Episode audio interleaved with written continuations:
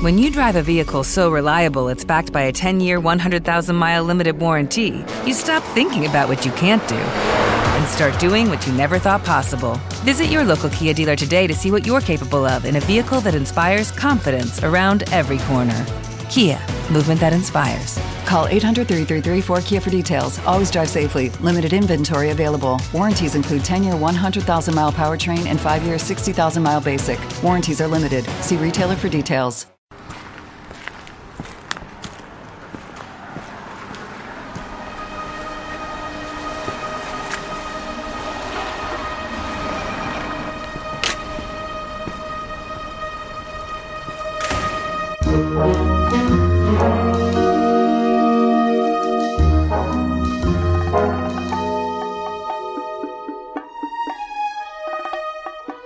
Pasos, pasos, pasos que levan algures.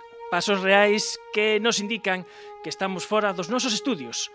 E isto é o bo que ten a radio, que viaxamos lixeiros de equipaxe e deste xeito podemos argallar para vos esta complicidade sonora que chamamos un autor, un libro e un espazo. Javier Pedreira Guicho leva moitos anos colaborando en Efervesciencia, pero esta tarde é o protagonista da nosa sección literaria o que implica ter que desplazarse. E, curiosamente, esta localización a suxeriches ti, pero é a primeira vez na vida que pisas este sitio. Moi boas tardes, Wicho. Efectivamente, é a primeira vez que veño aquí, e iso que está moi relacionado conmigo. Parece increíble, non? Que nunca estiveras aquí. Efectivamente, nunca coincidira antes. E tiveches que desplazarte, só tamén unha pista. Efectivamente, non estou na miña cidade habitual.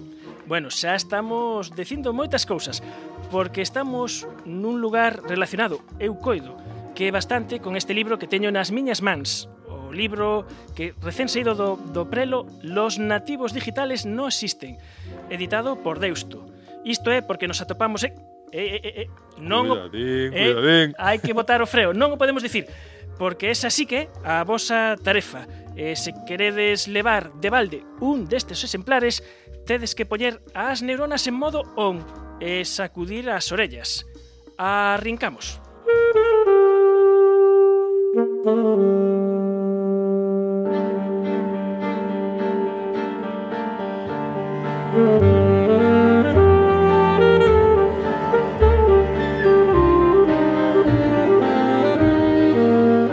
Javier Pedreira Guicho é un dos creadores de Microservos, como ben coñecen os nosos ointes, un dos blogs de ciencia e tecnoloxía máis lidos en español e colaborador dunha chea de medios de comunicación, entre eles, como xa o dixemos, e ben sabedes, Efervesciencia.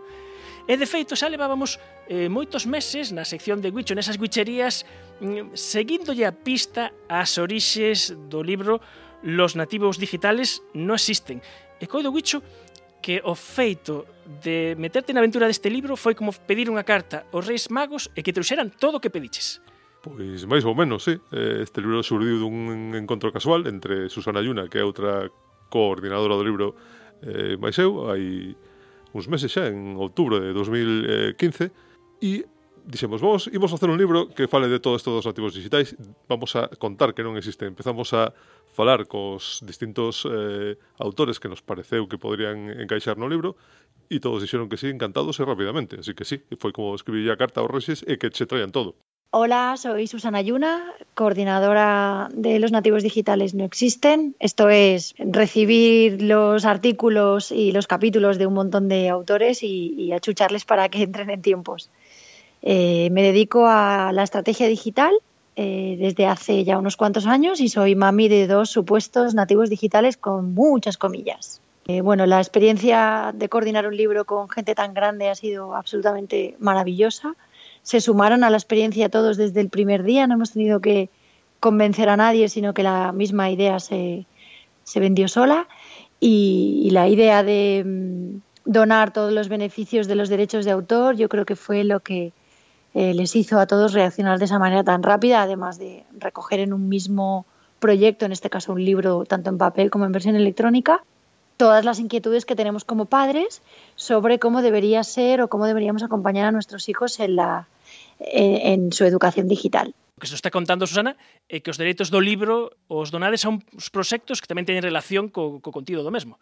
Efectivamente. Eh, unha das cousas que teníamos claras desde o principio era que queríamos que o libro se compartira todo posible, a información do libro se compartira todo posible, por eso é con licencia Creative Commons. Pero tamén tiñamos bastante claro que os destinatarios principais deste libro pais despistados, formadores que tamén andan un pouco despistados, non o teñen, non se levan moi ben cos formatos electrónicos, entón buscamos unha editorial que sacara o libro en formato árbores mortos, como digo eu habitualmente, en papel inda que atopamos enseguida a Deusto, eh, enseguida aceptaron publicar eh, con esta licencia, implica que eh, íamos a ter a recibir uns dereitos de autor. Entón, dende o principio, decidimos que os íamos donar a, unha, a algunha iniciativa que se alineara cos objetivos do libro.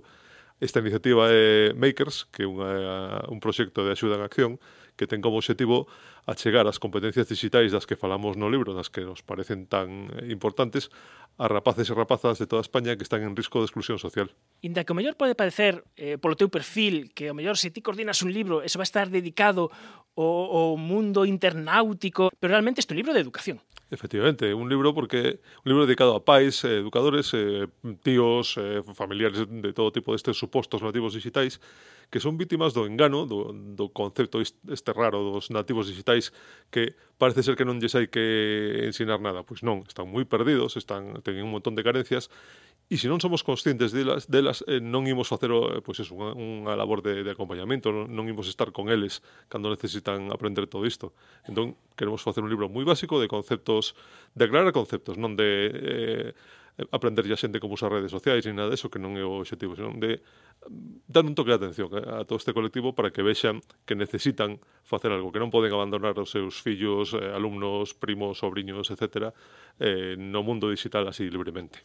Hai unha frase que repiten dous autores, unha frase que me gusta, porque sempre asociamos tecnoloxía ou hai o vicio de asociar tecnoloxía o último trebello tecnolóxico, cando tecnoloxía é mesmamente este bolígrafo que eu teño nas miñas mans. É unha frase que isto que di que tecnoloxía é todo aquilo que non existía cando ti naciches. Uh -huh, efectivamente.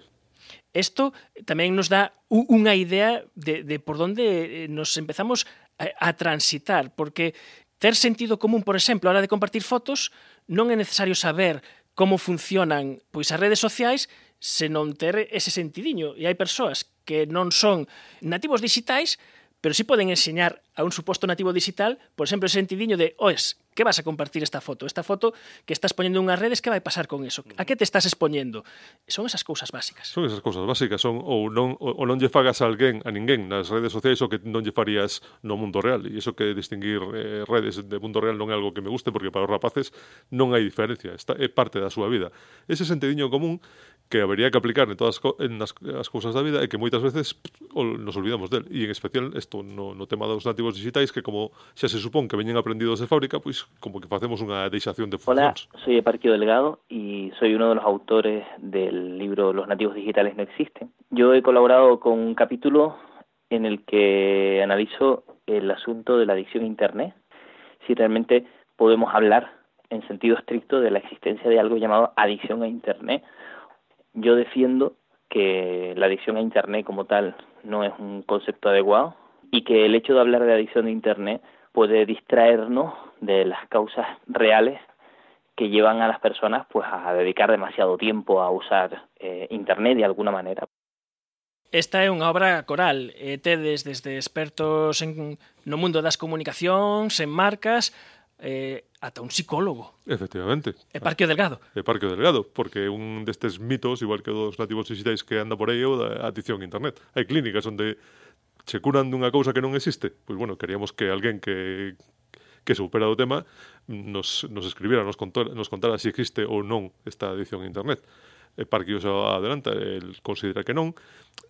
Ainda que haxa persoas que a utilizan máis do que deberían, pero eso é un problema que, que non é culpa, culpa entre comillas de internet, sino que esa persoa probablemente tenga algún tipo de problema que alevaría se non fora con internet, pois estar enganchada ao xogo, á televisión ou a calquera outra cousa. Hai cousas que chaman a atención.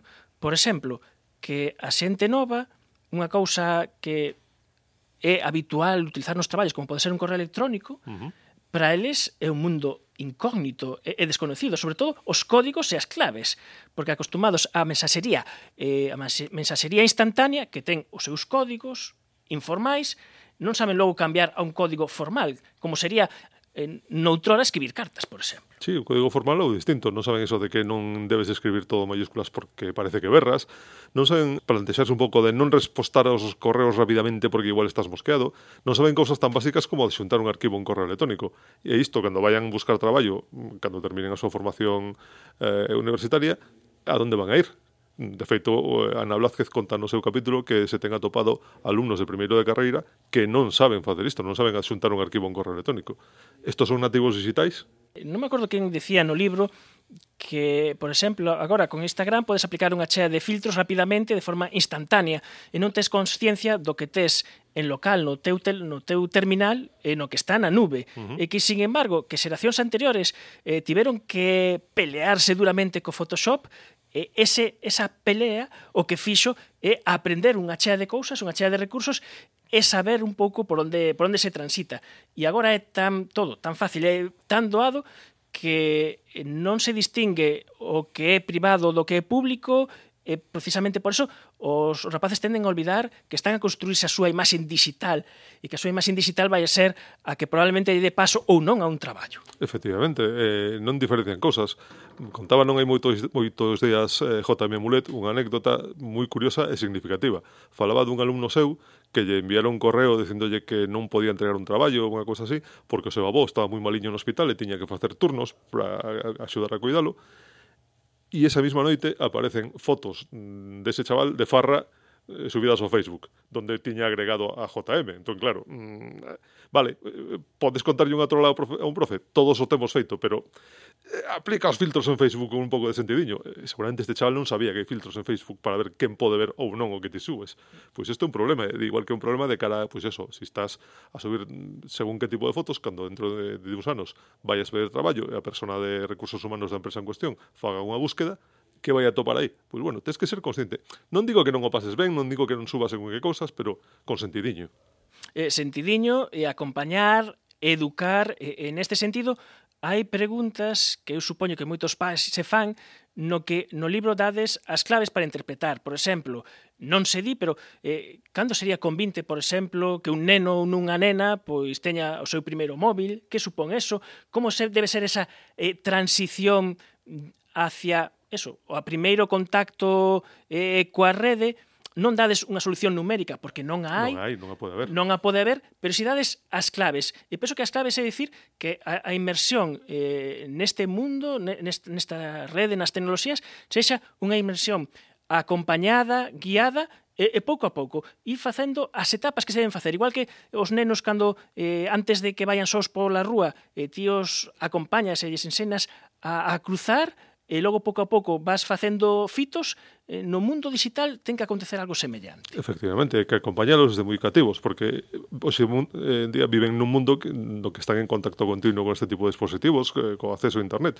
Si os tes aislados hasta os 12 os 14 anos, o día que atopen unha máquina conectada vai a ser o, o fin do mundo para eles. Entón hai que acompañalos de moi pequeniño, dándolle pouco a pouco máis grados de liberdade, cando empecen a utilizar un ordenador sós, pois que sexa un ordenador que está nunha, nun lugar común eh, da casa non para estar mirando o que fan, pero bueno, que saiban que, que, que estás aí, e eso sempre pouco a pouco, e non hai unha resposta aos 12 anos, porque depende o grado de madurez do rapaz ou da rapaza, e iso non hai ninguén que o poida saber mellor que os seus pais, pensamos nós. Hai solucións tecnolóxicas que son filtros uh -huh. para evitar ver eh, según que contidos que non son a solución de, de ningún xeito, non son a panacea, que poden, poden estar, pero non suplen o labor ese acompañamento dos pais e sobre todo será esa confianza para que eh, se o rapaz ou rapaza ten algunha dificultade e eh, poida pedir axuda e pedir consello. Efectivamente, os controles os controles parentais, os filtros, na nosa opinión dan unha falta de sensación de unha falsa sensación de seguridade, porque ti podes pensar que o teu rapaz ou a tua rapaza están protegidos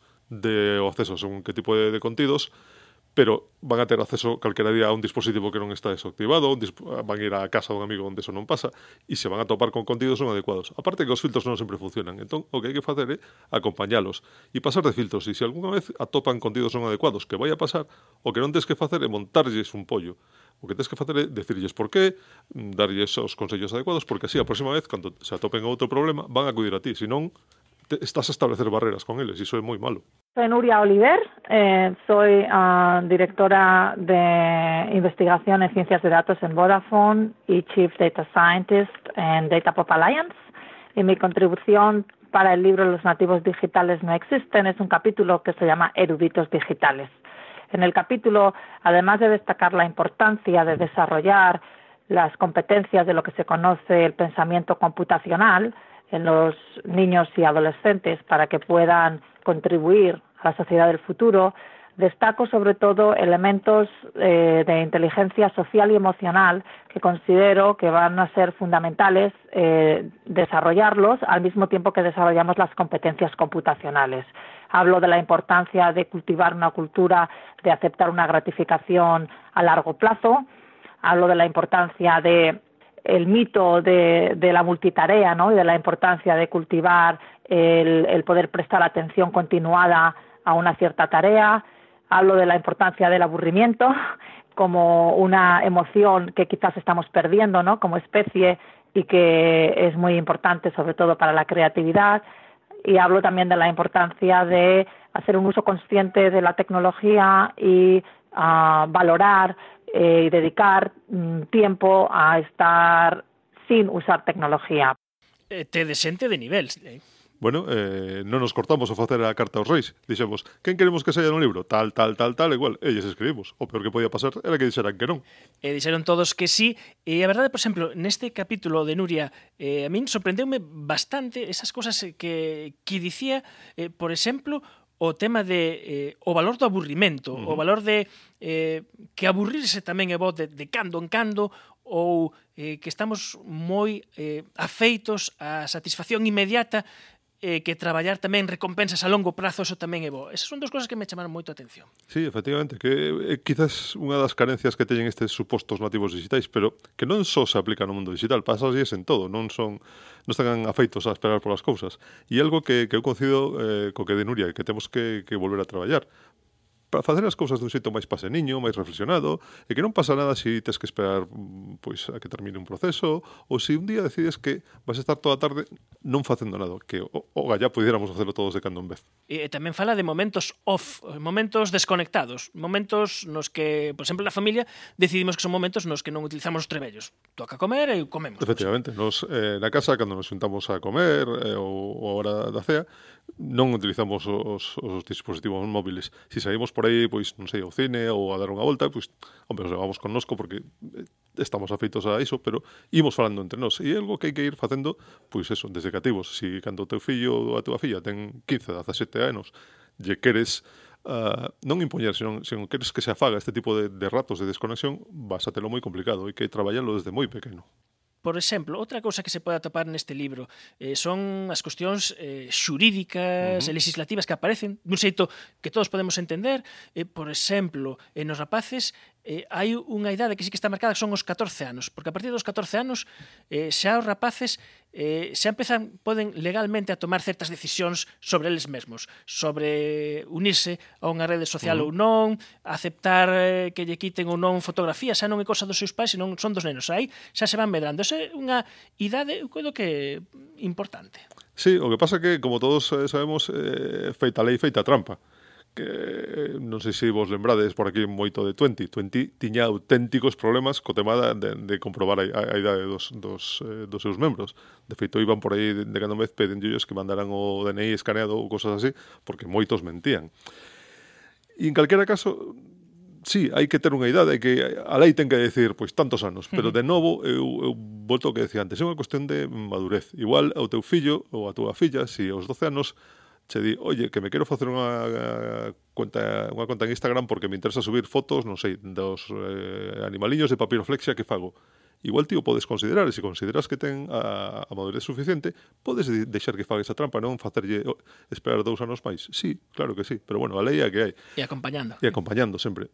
Pero de novo, sí, hai que, hai que ser eh, moi consciente de que hai certas limitacións legais, por eso lle pedimos a Borja Suara que nos escribirá un capítulo ao respecto, pero un capítulo escrito como un pai que ademais é abogado, non como un abogado que é pai, sino como un pai que ademais é abogado, para que fora sinxelo de ler e asequible. Que é algo que se agradece, certamente, porque senón un anda así un pouco despistados. Bueno, porque xa di tamén o subtítulo do libro, non? Porque é como educar a tus hijos para un mundo digital, eh, padres despistados frente a niños, a, adolescentes, ordenadores, consolas móviles e internet. Está aí todo vencellado.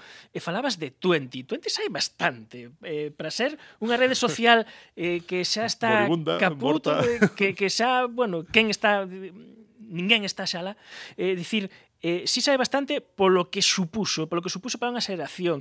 Eh, eu coido que tamén outro dos grandes acertos do libro é eh, eh, que falan expertos desde ámbitos moi diferentes que se complementan, e se complementan moi ben para ser unha obra coral, pero te decides, bueno, imos dar a voz aos supostamente nativos digitais, imos darlle voz a unha rapaza que está neste rango de idade eh, que conta a feira como a ve ela. E fala tamén do fenómeno da eh, tuentificación. Uh -huh. Efectivamente, que era, vamos, parecíanos de caixón que si imos, que si vamos facer un libro dos nativos digitais, polo menos contar con algún deles, non? Que nos deran o seu punto de vista.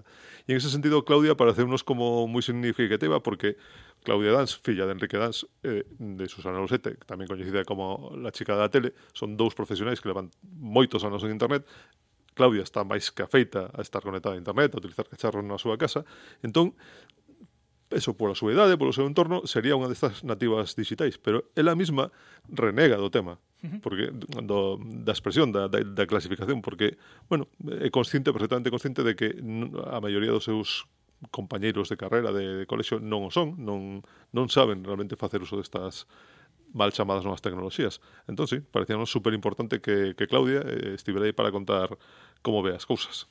E se algún destes, supostamente, que xa sabemos que non existe, por activa por pasiva, en nativos digitais, e se achegasen onde estamos, e ven o que acabas ver ti, eh, o mellor pasaría sen darlle valor a esas cousas fantásticas que acabas de ver, hai un chisco. Estou seguro de que nin saberían o que son, de que non serían capaces de imaginar a que dispositivos pertenecían. Chámome Fátima García Doval, pero todo o mundo me coñece como Minina de Cheshire. O meu capítulo eh, vai sobre a infancia, a tecnoloxía e a accesibilidade, como estos tres elementos se conxugan para cambiar a vida de moita xente que en outro momento, en outra época, o tería francamente difícil para acceder a certas cuestións que hoxe en día están normalizadas e están normalizadas precisamente polos beneficios da tecnoloxía e é unha reflexión que moitas veces se nos escapa, que na que non pensamos, porque non é obvio, non é unha cousa de todos os días, salvo que esteas no mundo da diversidade funcional, pero que eu creo que é moi necesaria para ver canto nos axuda e canto nos pode axudar en calquera momento. E a vos non se vos escapou eh, ter en conta o, o mundo das persoas con necesidades especiais, uh -huh. con diversidade funcional, que eso sí que é un verdadeiro, eu non sei, se é milagre o que poden facer estas tecnoloxías. E casos, eh, Fátima García Doval, pon abondos e moi emocionantes. Efectivamente, o capítulo de Fátima é emocionante. Se o lees non se che mm, eriza a velo, se non se che cae unha lagrimiña é que non é humano, porque fala efectivamente de como as tecnoloxías están a cambiar a vida a moita xente que antes o tiña senón imposible, senón moi complicado, por cuestión de accesibilidade, de, de cuestións económicas, por cuestión de que simplemente non existía tecnoloxía. E agora podemos facer verdadeiras maravillas en ese campo. Eh, casos eh, de persoas que estaban prácticamente enclaustradas ou uh -huh. casos eh, de persoas con, con autismo que grazas a estas eh, tecnoloxías fan de, de interface para poder comunicarse co resto do mundo eh, para poder normalizar a vida. Efectivamente, e iso non me digas que non é emocionante. É moi emocionante. E a min tamén gustoume moita reflexión que facía Fátima sobre o rato que para nós é eh, unha interface que temos moi asumida, que é moi sinxela de, de manexar, pero non é tan intuitiva como semella e, e en, en persoas que teñen unha chega, persoas maiores que teñen un primeiro achegamento non é doado manexar o rato. Eu, por exemplo, por compartir unha experiencia persoal de xa hai moitos anos que me tocou eh, que estiven un, un verán en África, estive nunha escola os rapaces que non tiñan esa cultura o feito de, de ter un ordenador corrato o primeiro contacto era complicado, claro. era moi complicado. Claro, porque moitos de nós a estas alturas levamos 20 ou 30 anos usando ratos, pero pensad, o primeiro día que, que, que, que lle puxeches a man encima un cacharro este, ti movías un aparello por unha mesa horizontal que facía que algo se movera nunha superficie vertical. Eso xa exixe un, un primeiro cambio de, de coordenadas, de, de, de atitude. Eu coñezo unha, unha rapaza que polo que sexa, eh, aprender a utilizar o rato co cable apuntando hacia ela, non hacia, hacia, hacia fora, como Ajá. usamos todos, e hoxe en día é como o utiliza. Por qué? Porque fixo ese, ese aprendizaxe. E para ela é o máis natural do mundo as interfaces táctiles son as que si ti tocas algo e se move, como pasa no mundo real, pero do rato ten a súa coña. O, o do rato ten eh, ten moita tela. Ademais de todos os colaboradores do libro, o primeiro capítulo é teu, no que falas eh, desde os teares ás tablets, no que fas así un repaso moi ben comprimido de todo o que a, a historia eh, de todas estas tecnoloxías, esa que falábamos do rato, eh, pos no seu lugar a Douglas Engelbart, uh -huh que é o esquecido, coido eu, polo gran público, eh, inventor do rato. Sí, efectivamente. Por eso, eh, eh, tío, dis, dos, te, dos teares as tablets, os teares de Lyon en Francia ao principio do século XIX. O sea que novas tecnoloxías entre moitas comillas. Aí está. O tratamento de información vende moi atrás. Eh, pero sí, falabas de eso, de, de Douglas Engelbart, que foi como o, o primeiro facer unha, unha demo super espectacular de un, inter, de un sistema similar aos que utilizamos hoxe en día con rato, eh, fiestras, este tipo de, de manexo que hoxe damos por feito, pero estamos a falar de finais dos 60, unha cousa espectacular. Este chegou antes de tempo, por eso non veu un can. Efectivamente, chegou antes de tempo, a, a moitas as persoas que estiveron en, en esa demo eh, influíunos moito de cara ao seu futuro traballo no mundo da, da, das novas tecnologías, no mundo da informática, pero para cando chegou, para cando se popularizou este tipo de, de interfaces, os patentes de Douglas Engelbart, Engelbart xa caducaran, co, co que non vía un, un cuarto, un, un duro destos, un euro, e por outra parte eh, tamén había eh, patentes novas que esquivaban as súas, así que o pai do ratón, inda que os suecos din que teñen o seu propio inventor do ratón, que iso tamén daría para outra historia, pero bueno, o, o pai máis coñecido ou máis descoñecido do ratón non veu un can por, por el. Hola, buenas tardes. Me llamo Janice Roca y he tenido la suerte de colaborar en, esta, en este libro de los nativos digitales no existen. Y es cierto, no existen. Lo que sí existe es una generación de personas que tendrán que gestionar la transición hacia un mundo radicalmente diferente, pero no están ni más ni menos preparados que el resto. Sencillamente lo van a tener más complicado. Como sempre, en esta sección de un autor, un libro, un espazo, que xa temos que rematar, habemos agasallar cun libro, cun libro original de Los nativos digitales no existen, eso sí, especial, asinado polo seu co-coordinador, Javier Pedreira Guicho, a quen acerte onde estamos. O que ten que facer é deixar a resposta, ten que ser digital, porque ten que deixar a resposta entre mañá luns e o venres no noso Twitter coa etiqueta, co hashtag uloguicho, ou ben no noso muro de Facebook e entre os que acertedes, se acertades algún, non o sei, eh, pois sortearemos un libro e cada día, a medida que vayan pasando os días, iremos dando algunha pista que vaya mellorando a localización de onde está o Huicho. É un sitio que se puede relacionar conmigo fácilmente, uh -huh, que se puede relacionar con el traballo, que se puede relacionar con microsiervos, temos falado de sitios similares, e hasta aquí. Hasta aí podemos ler. Eh, ten relación, pero Wicho non o pisou nunca na súa vida ata agora. Eh, ben contento que quedaches, Efectivamente, no? impresionante. Eh, Javier Pedreira Wicho, eh, moitas grazas por acompañarnos e moita sorte na andaina deste libro que xa empeza forte. Moitas grazas.